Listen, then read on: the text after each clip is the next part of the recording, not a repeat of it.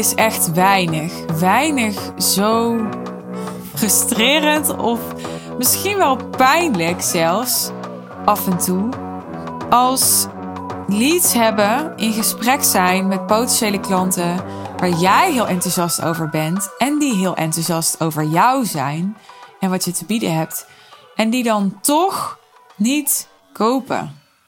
Misschien herken je dat gevoel dat je denkt, maar hoe kan dat nou? En ze was zo enthousiast. Of hij was zo enthousiast. En we hadden een DM-gesprek en ik dacht, nou, dit wordt hem gewoon. En toen zaten we in een call en toen toch deed ik mijn aanbod. En ja, ik denk toch dat ze, ik heb nu heel vaak toch gezegd, dat ze schrok van de prijs. Of dat hij schrok van de prijs. Of ik merkte toch dat toen puntje bij paaltje kwam, toen, ja, toen durfde ze toch niet. Of toen durfde hij toch niet.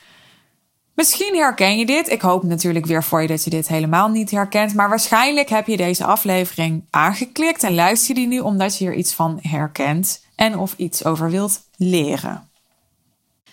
Nou, dan komt hier uh, hetgeen waarvan ik heel graag wil dat je het in je oren knoopt.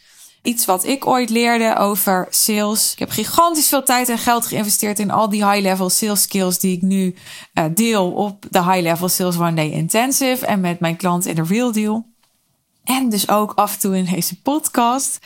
En een van die dingen die echt voor mij zo'n eye-opener was. En toen ik dat eenmaal door had en wist hoe ik erop in moest spelen, toen, ja, daar, daar had ik zoveel aan. En dat is gewoon heel simpel, heel simpel.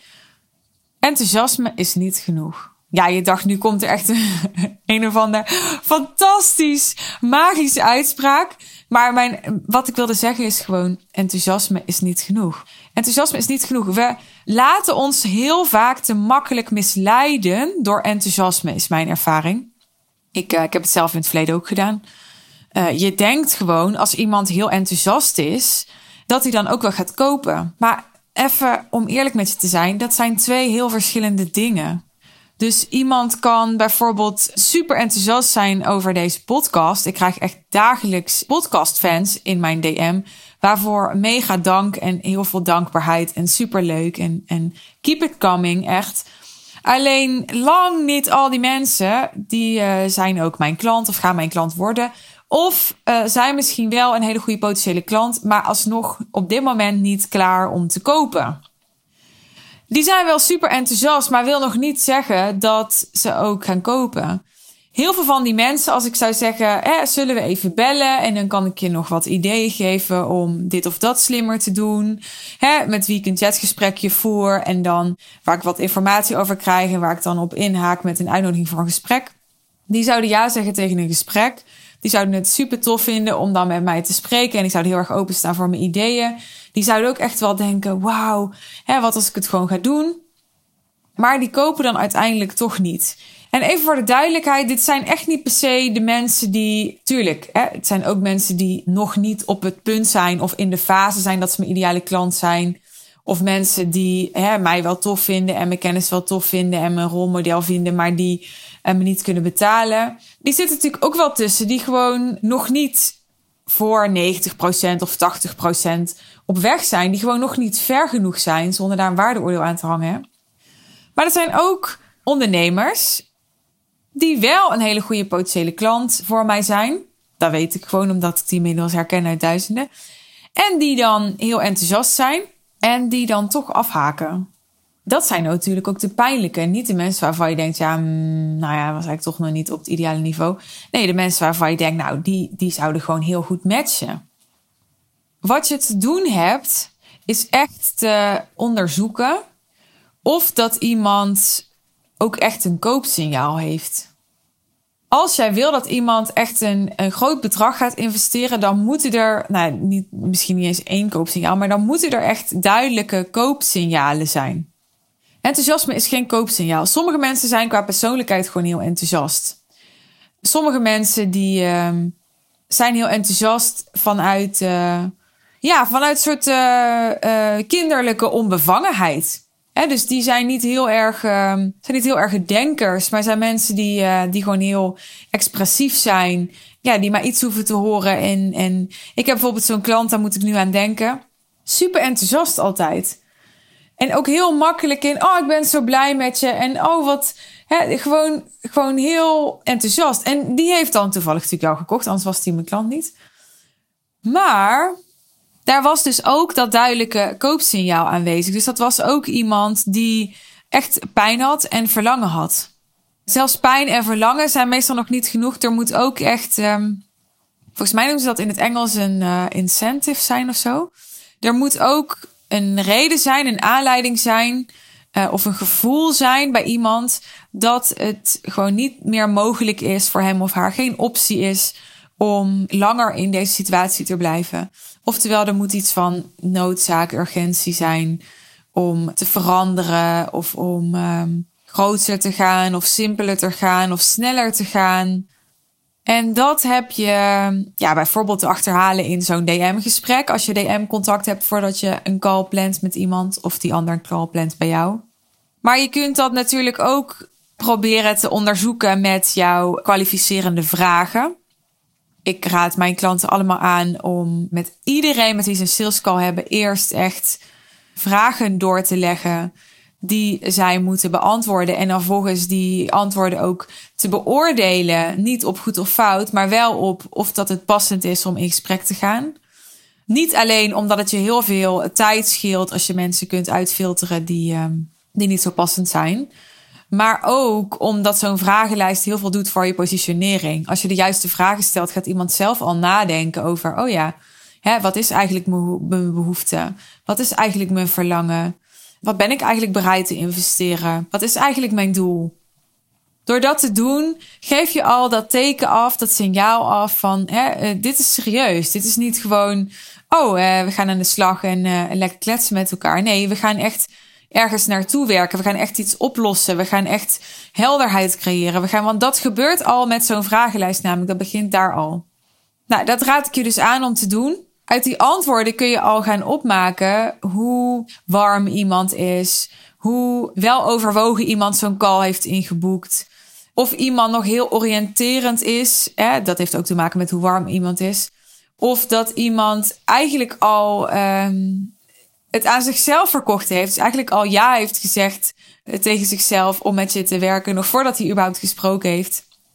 Oftewel, je kunt daar al gaan onderzoeken of dat er naast eventueel enthousiasme ook echt redenen zijn en urgentie is en voldoende um, kennis ook aanwezig is, informatie aanwezig is bij die ander. Dus dat die ander je visie snapt, uh, je niche kent, je oplossing weet om bij je te gaan investeren.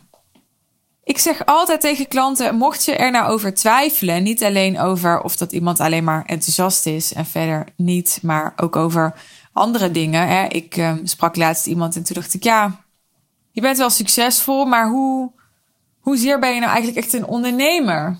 Hè, soms voel je gewoon van: ja, is dit wel echt jouw, helemaal jouw ding? Of is het meer een soort van toevalligheid dat je in deze ondernemerssituatie zit. Niet dat je zomaar toevallig natuurlijk een bedrijf bouwt, maar en als ik daarover twijfel, dan vraag ik het meestal gewoon. Dus dat is ook iets wat je altijd kunt doen als je denkt: oh, deze persoon is super enthousiast. Vraag er dan gewoon naar van. Uh, zou je hier ook in willen investeren om dit op te lossen? dus als je op een gegeven moment helder hebt waar iemand tegenaan loopt, of als op een gegeven moment helder is wat, welk verlangen iemand heeft, zou je er ook in willen investeren om dit te gaan verwezenlijken. Nou, en hoe meer uh, expertstatus je al hebt en hoe warmer je leads en, en hoe, hoe meer naam je gemaakt hebt, hoe makkelijker je dingen natuurlijk dit op de, hoe makkelijker je dit soort vragen op de man af of op de vrouw af gewoon kunt stellen. Omdat, uh, ja, omdat het niet zo afschrikt, omdat mensen gewoon al wel snappen dat het een investering vraagt om met jou te werken. Maar ook als je het gevoel hebt dat je nog niet helemaal die naam hebt, dan nog kan het echt superveel respect afdwingen dat je het gewoon vraagt. He, want daarmee voelen mensen ook, oké, je gaat zuinig met je tijd om. En ja, jij wil van mij een soort commitment krijgen over of dat ik hier echt daadwerkelijk iets, iets mee wil. En dus ook in wil investeren. Ja, de juiste mensen zullen alleen maar waarderen dat je die vraag stelt. En dat je niet ellenlang blijft chatten terwijl er eigenlijk helemaal niet zoveel perspectief of heel, niet zoveel kansen liggen. Want dat geeft aan dat jij uh, serieus bent over je bedrijf en over je leads en over je klanten en over wat je doet. Hè? Want uh, de tijd die je in iemand investeert die uh, niet van plan is serieus te gaan investeren, die kun je ook gaan geven aan iemand die dat wel is. Nog even concluderend voordat ik deze podcast afrond. Enthousiasme is dus niet genoeg. En hoe meer het uh, enthousiasme lijkt op een soort uh, groupiness, hoe meer je alarmbellen eigenlijk af zouden moeten gaan over hoe serieus iemand is. En mijn ervaring is ja, dat echt de mensen die het meest hard kunnen roepen van ik wil zo graag met jou werken, ook het, het hardst hun keutel kunnen intrekken als puntje bij paaltje komt. Ik heb veel meer vertrouwen, om heel eerlijk te zijn, in mensen die heel wel overwogen en kritisch doordacht overkomen. En bij wie duidelijk blijkt van oké, ze hebben misschien nog niet zo heel erg engaged met me eerder.